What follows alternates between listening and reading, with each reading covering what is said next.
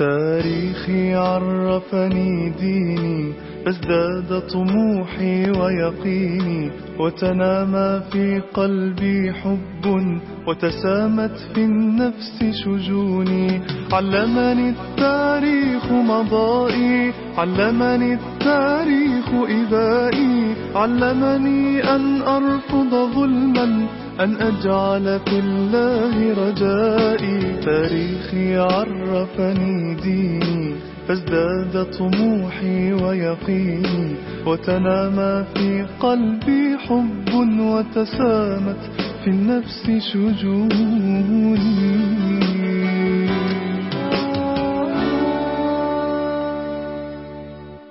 السلام عليكم ورحمة الله وبركاته. أهلا بكم ومرحبا. مع حديثنا عن علمني التاريخ. التاريخ هذا الأستاذ العظيم يعلمنا دروس ومعاني وعبر. نستلهمها ليس لأجل المتعة والقصة والقصص لا شك ممتعة لكن في نفس الوقت والأهم من هذا أن نتعلم الدروس والمعاني والقوانين لصناعة النصر والمجد. أمتنا بدأت تنهض بفضل الله عز وجل. أنا متفائل جدا عشرين ثلاثين سنة بالكثير. ستكون أمتنا من الأمم العظمى في البشرية وتنافس أعظم الأمم. بعض الناس يشككوا في مثل هذا. تذكروا اليابان وألمانيا سنة 1945 أمم مدمرة محتلة بعد الحرب العالمية الثانية. حتى دستورها كتب لها. 1965 20 سنة فقط. صارت من الدول العظمى في العالم. ما الذي يملكونه مما لا نملكه؟ نملك أضعافهم من العقول والإمكانات والغنى والمال. نملك أضعافهم. نحن نملك تاريخ ونملك أمجاد ونملك دين عظيم منهج أصيل. كل هذا عندنا ولغتنا لغة تطبع هويتنا طبعا. فإذا جمعت كل هذا إلى بعضه كل عوامل النهضة وصناعة الحضارة من جديد جاهزة بشرط أن نلتزم بقوانين النصر وأن نتجنب عوائق النصر وهذا هدفي من هذه الأحاديث. ولذلك بدأت معكم بعدة قصص ونحن الآن في قصة فتح القسطنطينية على يد السلطان العظيم محمد الفاتح السلطان العثماني السابع. وحدثتكم كيف ربي ليكون قائدا. حدثتكم كيف كان عنده هدف واضح وأصيل أن يفتح القسطنطينية منذ نعومه أطفاله. وجود رؤية وجود هدف. هذه أحد عناصر صناعة المجد وصناعة الحضارة وصناعة القيادة. واستعد السلطان محمد الفاتح. سبحان الله يعني في قصة فتح القسطنطينية جميع عناصر صناعة المجد جميع عناصر النصر تواجدت في هذه القصة. فنجد قيادة رشيدة أصيلة مؤمنة عندها هدف وعندها رؤية وهذا سبب رئيسي من أسباب النصر. إيمان وتقوى عم القيادة وعم الناس. وهذه مسألة أيضا أصيلة وواضحة. جهاد وإعداد للقوة وحدثتكم كيف أعد المدافع وأعد أسطول من 400 سفينة وبنى قلعة كاملة. أي استعدادات أكبر من هذه؟ واستعد السلطان بنصرة الدين فقضى على الفساد وقضى على الانحلال وأنكر المنكر في بلاده. وهذه من عوامل النصر. ومن عوامل النصر الصبر والثبات والإصرار على الهدف. وقد رأيناها بوضوح في شخصية محمد الفاتح وفيما يفعله وغيرها من أسباب النصر وقضى على كل عوائق النصر. من أجل هذا انتصر محمد الفاتح رحمه الله. أما قصة الفتح نفسها فأحدثكم عنها بعد الفاصل إن شاء الله.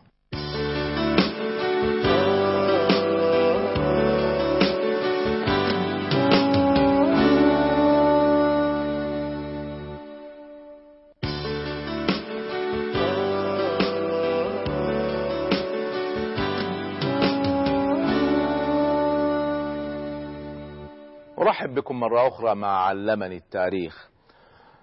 تحدثنا عن استعدادات محمد الفاتح السلطان العثماني لفتح القسطنطينية.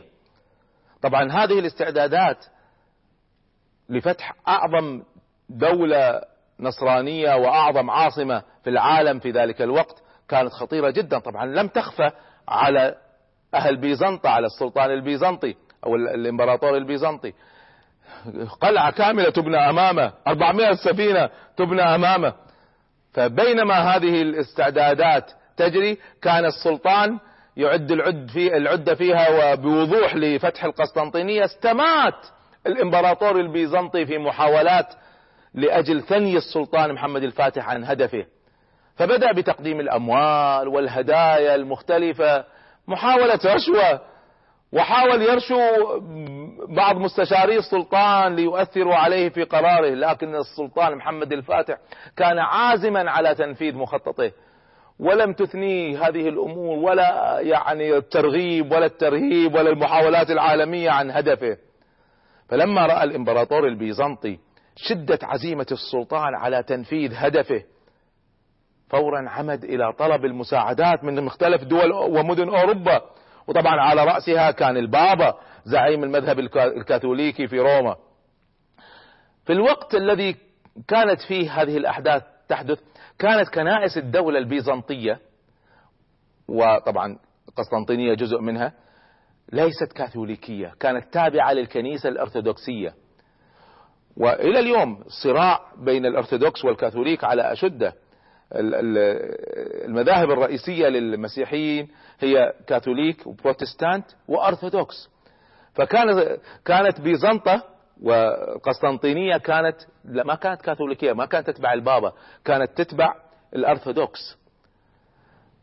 فرغم ما كان بينهما من عداء شديد اضطر الإمبراطور لمجاملة البابا بأن يتقرب إليه ويظهر له استعداداته للعمل على توحيد الكنيسة الأرثوذكسية الشرقية لتصبح خاضعة. الكنيسة الأرثوذكسية تصبح خاضعة للكاثوليكية تصبح خاضعة للبابا. طبعا في هذا الوقت لم يكن الأرثوذكس يرغبون في ذلك. هذا دين آخر يعتبرونه. أذكر لما كنا في أمريكا كانوا يسألون ما دينك؟ فكنت أكتب مسلم الآخرين ماذا يكتب ما يكتبوا مسيحي. هذا يكتب أرثوذكسي هذا يكتب كاثوليكي هذا يكتب بروتستانتي يعتبرون أديان مختلفة. فالأرثوذكس ما كانوا يرغبون بالتوحد مع الكاثوليك يعتبروهم دين آخر. لكن البابا تجاوب فرصة أنه يضم إليه كل الكنيسة الأرثوذكسية والإمبراطور مضطر إلى هذا. فقام البابا بناء على هذه المطالبات من إمبراطور بيزنطة فأرسل مندوبا منه إلى القسطنطينية. وخطب في كنيسة آيا صوفيا. كنيسة عظيمة جدا موجودة إلى اليوم. صارت مسجدا ثم الآن حولت إلى متحف موجودة في إسطنبول إلى اليوم.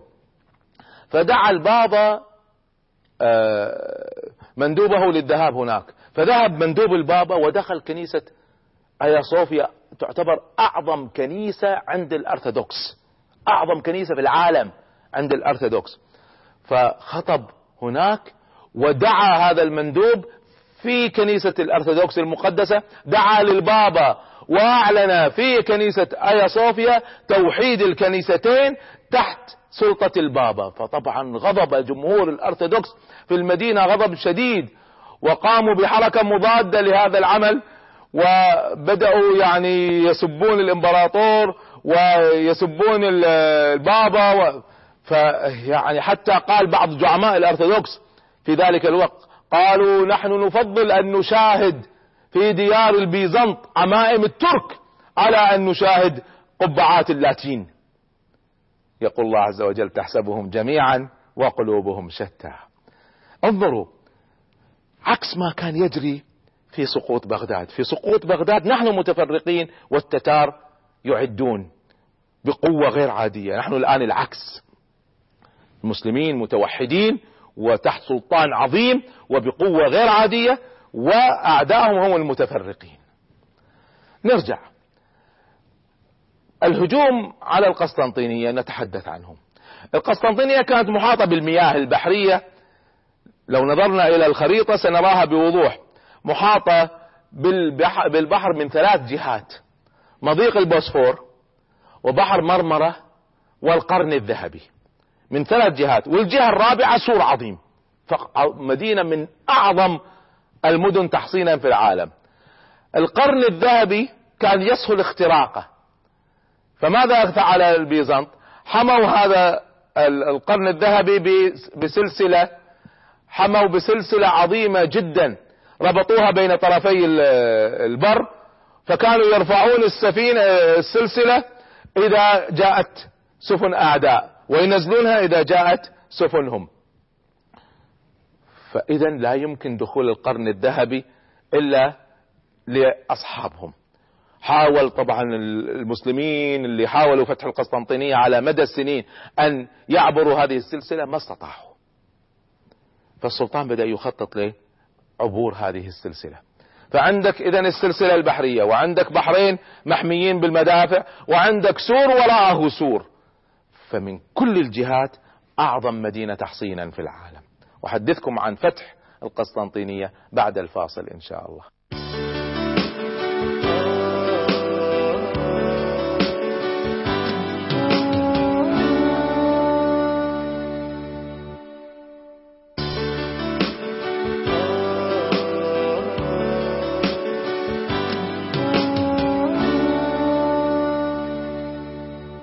أهلا بكم ومرحبا. مرة أخرى مع علمني التاريخ ومع قصة فتح القسطنطينية أعظم مدينة في العالم. حدثتكم عن تحصيناتها من جهة البر ومن جهة البحر والمدافع والأساطيل التي كانت عندهم والجنود والأسوار المرتفعة.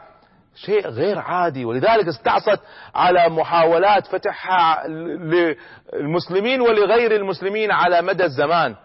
قبل محاولة السلطان الفاتح 11 محاولة إسلامية 11 حصار على القسطنطينية من قبل المسلمين وكلها تفشل ولذلك السلطان يعني كان حلم حياته أن يفتح القسطنطينية فاستعد استعدادات غير عادية وكان يشرف بالاستعدادات على الاستعدادات بنفسه كان هو يذهب يستطلع الجنود ويستطلع الأسوار ويشوف القلعة قارنوا هذا ببعض الناس الذين يحكمون بلادنا. هم المتعة وهم الترف بلد لا التنمية تنهار والاقتصاد ينهار ولا لا يحرك ساكنا. وإذا فعل شيء شيء بسيط جدا. همه فقط أن يؤمن سلطانه بينما السلطان كان هم أن يصنع مجد للأمة. وقد عمل السلطان كذلك على تمهيد الطريق بين ادرنة والقسطنطينية. لماذا؟ كانت المدافع المصنع الحربي كان هناك في في أدرنة فكانت آه، لابد من تمهيد الطريق لكي تكون صالحة لجر المدافع العملاقة خلال هذا الطريق إلى القسطنطينية وفعلا تحركت هذه المدافع من أدرنة إلى قرب القسطنطينية في مدة شهرين وكانت تحمى خلال طريقها وحتى عند وصولها تحمى بقسم من الجيش حتى وصل الجنود العثمانيين يقودهم الفاتح بنفسه إلى مشارف القسطنطينية. وصلوا في يوم الخميس السادس والعشرين من ربيع أول سنة 857 هجرية الموافق السادس من أبريل 1453 ميلادي. فجمع السلطان جنوده تعرفون كم وصل عدد جنوده؟ هذا فتح جاد. مئتين وخمسين ألف جندي. وخطب فيهم السلطان خطبة. طبعا بعض الناس يقول كيف يخطب في 250 ألف؟ ما في ميكروفونات. كان عندهم طريقة معروفة في ذلك الوقت أنه الخطيب يخطب على مسافة هنا عمود هناك عمود هناك عمود على رأس العمود شخص يسمع الجملة ويوصلها للي وراه ثم أعمدة ثم أعمدة حتى تصل إلى باقي الجيش. ميكروفونات بشرية. فكان يقول جملة واحدة ويسكت إلى أن ينقلوا آه، كلامه. فخطب فيهم خطبة قوية حثهم فيها على الجهاد في سبيل الله. وطلب النصر أو الشهادة. وذكرهم بالتضحية وصدق القتال عند اللقاء. وقرأ عليهم آيات القرآن في سورة الأنفال التي تحث على ذلك. وذكرهم بالأحاديث النبوية التي تبشر بفتح القسطنطينية. لتفتحن القسطنطينية وبين لهم فضل الجيش الفاتح للقسطنطينية وفضل أمير هذا الجيش. وما في فتح القسطنطينية من عز للإسلام والمسلمين. وبادر الجيش كله بالتهليل والتكبير والدعاء. والعلماء مبثوثين في صفوف الجيش ليسوا وعاظا فقط وإنما شارك العلماء بالقتال والجهاد لبسوا السلاح مع الناس فرفع ارتفعت المعنويات حتى كان كل جندي ينتظر بفارغ الصبر أن يؤدي ما عليه من واجب. في اليوم التالي قام السلطان بتوزيع جيشه البري أمام الأسوار الخارجية للمدينة فشكلهم ثلاث أقسام تمكنت من إحكام الحصار البري ما في أحد يدخل ما في أحد يخرج من القسطنطينية من جهة البر. ثم أقام السلطان جيوشا احتياطية خلف الجيش الرئيسي. ثم عمل على نصب المدافع أمام الأسوار وأهمها المدفع السلطاني العملاق. جيء به من أدرنة وأقيم أمام باب طبقبة اللي هو القصر المشهور اليوم. فوضع فرق للمراقبة كذلك على مختلف المواقع المرتفعة والقريبة من المدينة. في نفس الوقت بينما هذا الهجوم البري بعد ما بدأ هذا فقط الاستعدادات كانت انتشرت السفن العثمانية في المياه المحيطة بالمدينة وحاولت أن تدخل في القرن الذهبي فرفع النصارى السلسلة الضخمة. تخيلوا سلسلة ضخمة جدا. يرفعونها لهم طريقة يجرونها. فهذه السلسلة تمنع أي سفينة من دخول. ترتفع إلى أن تكون على سطح الماء. فما تستطيع أي سفينة تدخل. طبعا بالإضافة للمدافع المسلطة على القرن الذهبي. وإذا ارادوا هم أن يدخلوا نزلوا السلسلة حيلة عجيبة جدا. فحاول السلطان أن يدنو ويقترب من بسفنه من القرن الذهبي ما استطاع. استطاع الأسطول العثماني أن يستولي على جزر الأمراء في بحر مرمرة. طبعا حاول البيزنطيون يبذلوا كل جهدهم في الدفاع عن القسطنطينية فوزعوا الجنود على الأسوار وأحكموا التحصينات لكنهم ما استطاعوا يفعلوا كل شيء. وأحكم الجيش العثماني قبضته على المدينة. طبعا وقع قتال هنا وهناك بين العثمانيين المهاجمين والبيزنطيين المدافعين منذ الأيام الأولى للحصار. منذ الأيام الأولى للحصار وهو وهما يتقاتلون لكن ما في معركة رئيسية. وفتحت أبواب الشهادة وفاز عدد كبير من العثمانيين بالشهادة خصوصا المكلفين بالاقتراب من الأبواب. وكانت المدافع العثمانية تطلق مدافعها من مواقع مختلفة نحو المدينة. طبعا كان لقذائفهم وصوت القذائف صوت رهيب وكان لها دور رئيسي في بعث الرعب في قلوب البيزنطيين. وتمكنوا من تحطيم بعض الأسوار حول المدينة لكن المدافعين عن المدينة كانوا كل ما تحطم سور بنوه فورا. استعدادات غير عادية داخل داخل بيزنطة داخل القسطنطينية. واستطاعت بعض المساعدات المسيحية من خلال البحر أن تمر وتصل إلى إلى قسطنطينية خاصة من جنوة من إيطاليا. خمس سفن يقودها القائد الجنوي جستنيان معه 700 مقاتل استطاعوا أن يشقوا طريقهم ويصلوا متطوعين من دول أوروبية متعددة واستطاعوا أن يصلوا إلى القسطنطينية العاصمة البيزنطية العتيقة. طبعا هذا تم بعد معركة بحرية مع العثمانيين لكن اخترقوهم واستطاعوا أن يصلوا. وطبعا وصول هذا هذا المدد رفع معنويات البيزنطيين فقام الإمبراطور بتعيين قائد هذه السفن جستنيان قائدا عاما للقوات المدافعة عن المدينة. اذا السلطان من جهة وجستنيان من جهة والكل متماوت على القسطنطينية.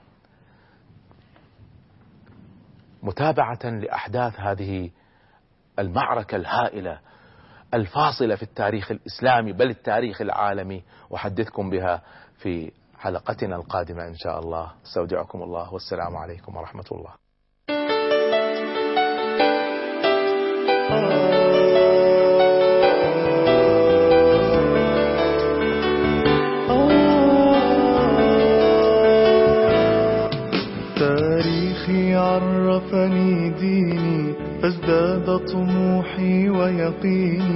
وتنامى في قلبي حب وتسامت في النفس شجوني. علمني التاريخ مضائي علمني التاريخ إبائي. علمني أن أرفض ظلما أن أجعل في الله رجائي. تاريخي عرفني ديني فازداد طموحي ويقيني. وتنامى في قلبي حب وتسامت في النفس شجوني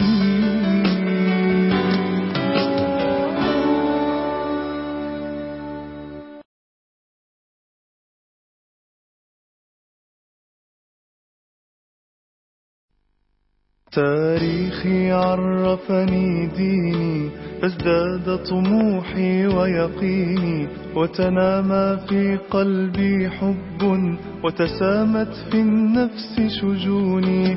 علمني التاريخ مضائي علمني التاريخ إبائي. علمني أن أرفض ظلما أن أجعل في الله رجائي. تاريخي عرفني ديني. فازداد طموحي ويقيني وتنامى في قلبي حب وتسامت في النفس شجوني.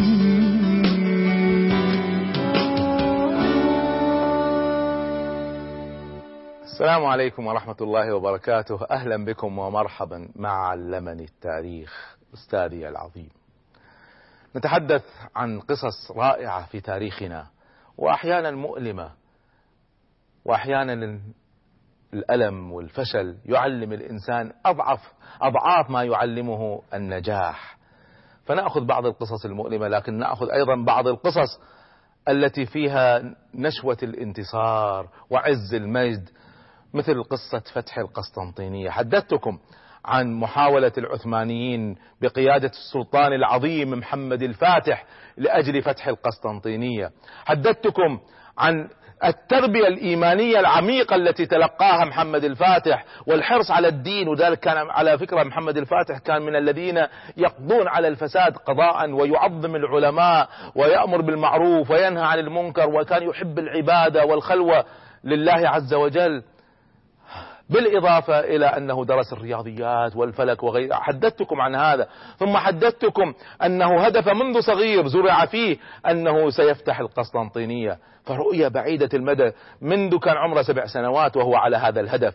وحدثتكم كيف استعد بالأسلحة بالمدافع العملاقة ببناء قلعة كاملة ببناء 400 سفينة استعدادات مادية ومعنوية أخذ بأسباب النصر وتجنب عوائق النصر. وحاصر السلطان محمد الفاتح بجيشه العظيم المكون من 250 ألف مقاتل حاصروا إسطنبول القسطنطينية. حاصروها من البر وحاصروها من البحر.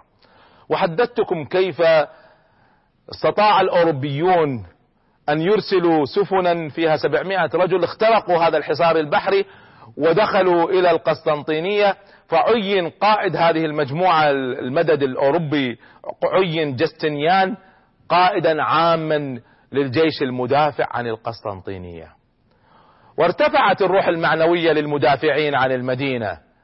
ولم يكل القس ورجال الدين النصارى من التضرع وال والدعاء. كانوا يشري كانوا يطوفون بشوارع المدينة وأماكن التحصين يحرضون هؤلاء المدافعين على الثبات والصبر يشجعون الناس على الذهاب للكنيسة والدعاء هناك. لعل المسيح أن يخلص المدينة وأخذ الإمبراطور قسطنطين يتردد بنفسه على كنيسة آيا صوفيا أعظم كنيسة عند الأرثوذكس. ذهب الإمبراطور بنفسه يصلي. بينما هذا يجري كان السلطان محمد الفاتح قد أكمل استعداداته فأرسل رسالة رئيسية لقسطنطين الملك البيزنطي. هذه الرسالة وما تلاها من فتح القسطنطينية في حديثنا بعد الفاصل إن شاء الله.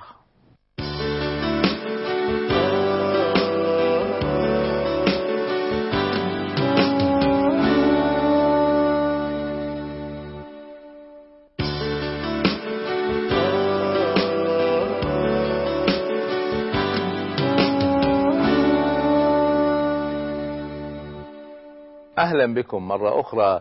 مع علمني التاريخ ومع قصة فتح القسطنطينية.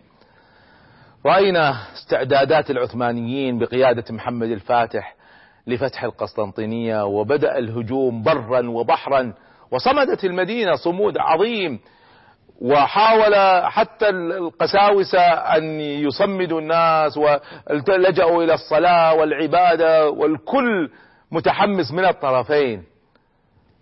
الملك قسطنطين امبراطور بيزنطة التي عاصمتها القسطنطينية شعر بالخطر الشديد وأن هذا السلطان محمد الفاتح جاد تماما في فتح القسطنطينية فحاول أن يغريه فأرسل إليه عارضا الأموال الضخمة والاتفاقيات والتحالفات وحتى الطاعة لكن يترك القسطنطينية. لكن الفاتح رحمه الله يرد بالمقابل طالبا تسليم المدينة تسليما كاملا وبلا شروط.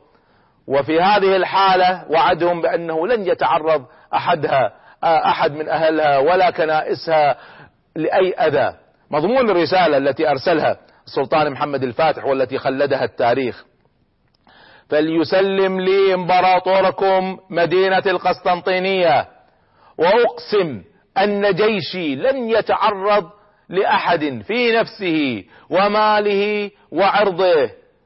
ومن شاء بقي في المدينة وعاش فيها في أمان وسلام. ومن شاء رحل عنها حيث أراد في أمان وسلام أيضا. فالإمبراطور وكان معروف بصدقه والناس تحترم كلمته وهو يحترم كلمته. ما كان يغدر. على فكرة يعني هذا جزء من صناعة القادة وجزء من النصر. ما في غدر. أعطيت كلمة تلتزم بها. فكان الحصار لا يزال ناقصا طبعا. والسبب أن ما دام مضيق القرن الذهبي في يد البحرية البيزنطية ويرفعون السلسلة يدخلون فيها من يشاءون من سفنهم ويمنعون السفن الأخرى لن يستطيع الفتح أن يكتمل. ومع ذلك فإن الهجوم العثماني كان مستمرا دون هوادة وأظهر الجيش بشكل عام والانكسارية الانكسارية اللي هي النخبة من الجيش العثماني. أظهر جنود الانكسارية الشجاعة غير عادية شجاعة فائقة وبسالة نادرة فكانوا يقدمون على الموت بدون خوف.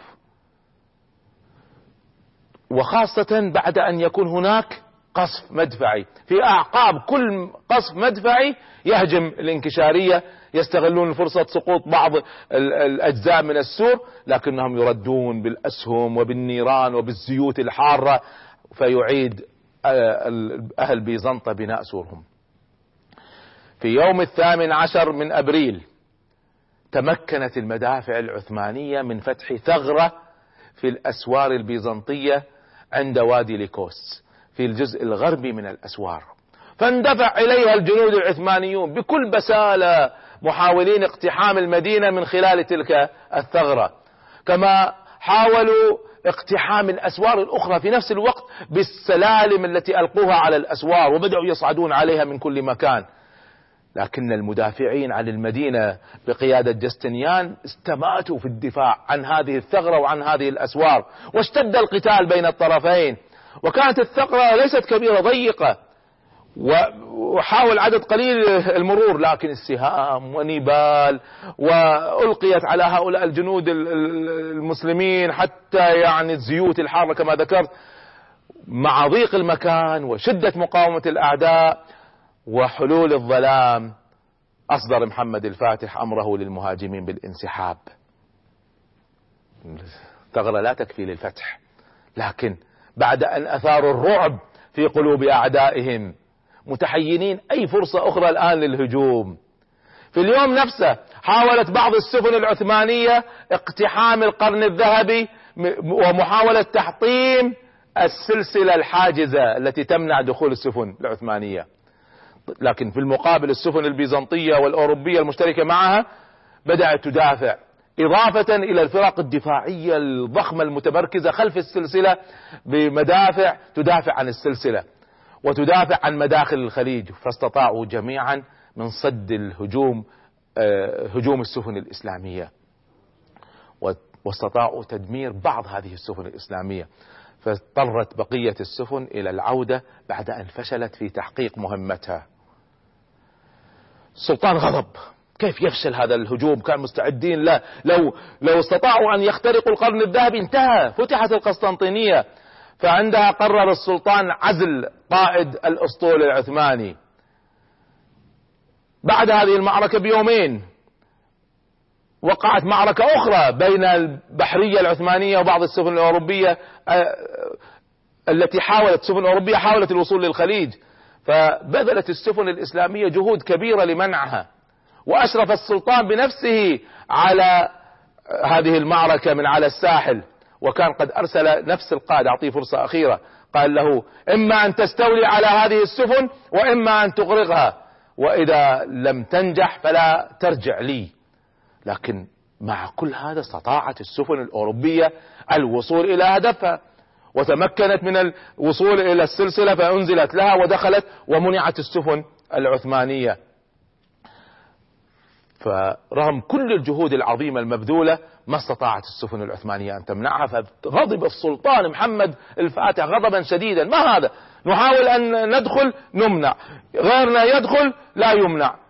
فاستدعى استدعى إلى مقر قيادته القائد قائد الأسطول وعنفه محمد الفاتح تعنيفا شديدا واتهمه بالجبن. فتأثر هذا القائد. اسمه بلطة علي أبو علي. فتأثر تأثر شديد. ثم قال إني أستقبل الموت بجنان ثابت لكن يؤلمني أن أموت وأنا متهم بمثل هذه التهم. لقد قاتلت أنا ورجالي بكل ما في وسعنا من حيلة وقوة.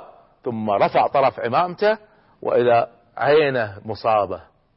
قاتل بنفسه.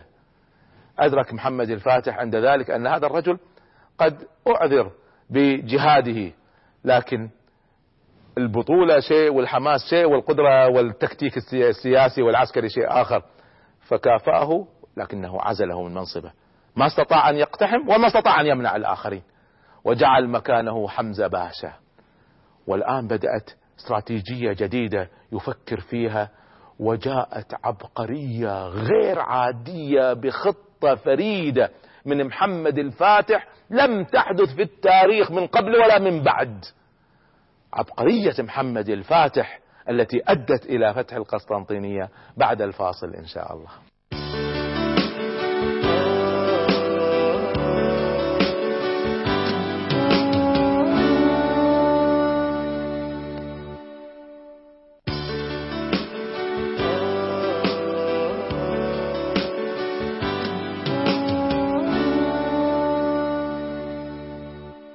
أهلا بكم ومرحبا مع علمني التاريخ. ونحن في وسط معركة فتح القسطنطينية.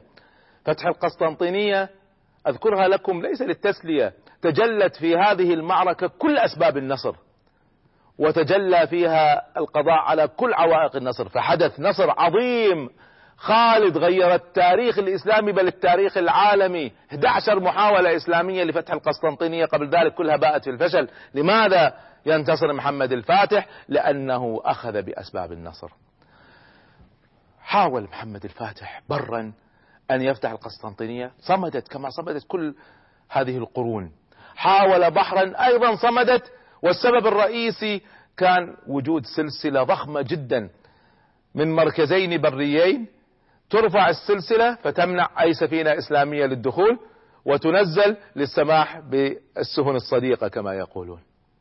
وحاول العثمانيون عدة مرات اقتحام القرن الذهبي ما استطاعوا. حاولوا كسر هذه السلسلة ما استطاعوا.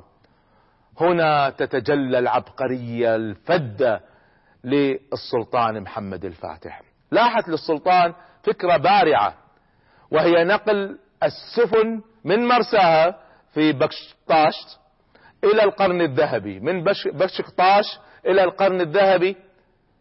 لو دخلت السفن القرن الذهبي سيتم حصار القسطنطينية لكن كيف؟ السفينة تمنع. ما هي هذه الفكرة؟ فكر السلطان قال لماذا أحاول أن أعبر السفينة؟ قرون ما استطاع أحد أن يعبر السلسلة. قرون ما حد يستطاع أن يعبرها. فلماذا لا أدخل القرن الذهبي بالسفن من جهة البر؟ عجيب. إذا الفكرة الدخول إلى القرن الذهبي وذلك بجر السفن على الطريق البري الواقع بين المينا مبتعد عن حي غلطة خوفا على طبعا سفنه من الجنوبيين. وأهل جنوى الايطاليين اللي كانوا يحمونها. المسافة هذه هذا الالتفاف يعني يأخذ السفن يصعد فيها من البر وينزل فيها مرة ثانية بعيد عن اللي يحمون السلسلة. فالمسافة تحتاج ثلاث أميال.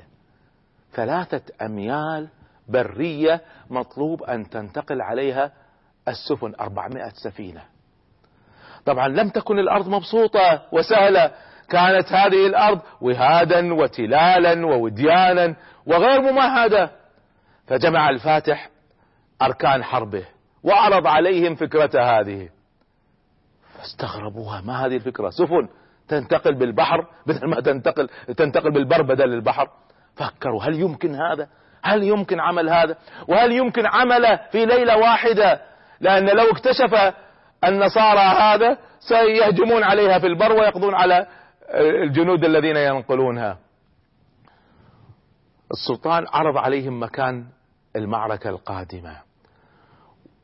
درسوا المسألة قالوا والله ممكن فكرة إبداعية غير عادية لكن ممكن. فتلقى منهم التشجيع. شوفوا هذا أيضا من المسائل المهمة. أحيانا الواحد يكون عنده فكرة إبداعية ماذا يحصل؟ اللي حواليه. أنت جاي تتفلسف. من يقدر يعمل هذا؟ هذا مستحيل. أنت مسوي نفسك أينشتاين. يبدأ الناس تضحك على الفكرة الإبداعية. بينما لو ألغوا الكلمات السلبية وركزوا على أصل الفكرة كيف نطورها؟ كيف نحسنها؟ كيف نحولها إلى شيء ممكن واقعي؟ وهذا الذي حدث لمستشاري السلطان. شجعوا الفكرة وأعربوا عن إعجابهم. بالفكرة وبدأ تنفيذ هذه الخطة العجيبة. هل نجحت هذه الخطة؟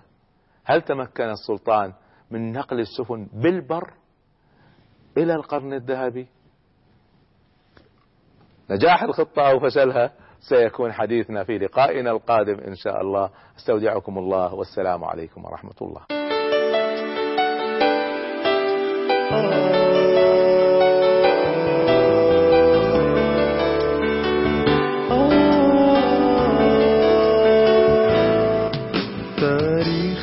عرفني ديني فازداد طموحي ويقيني.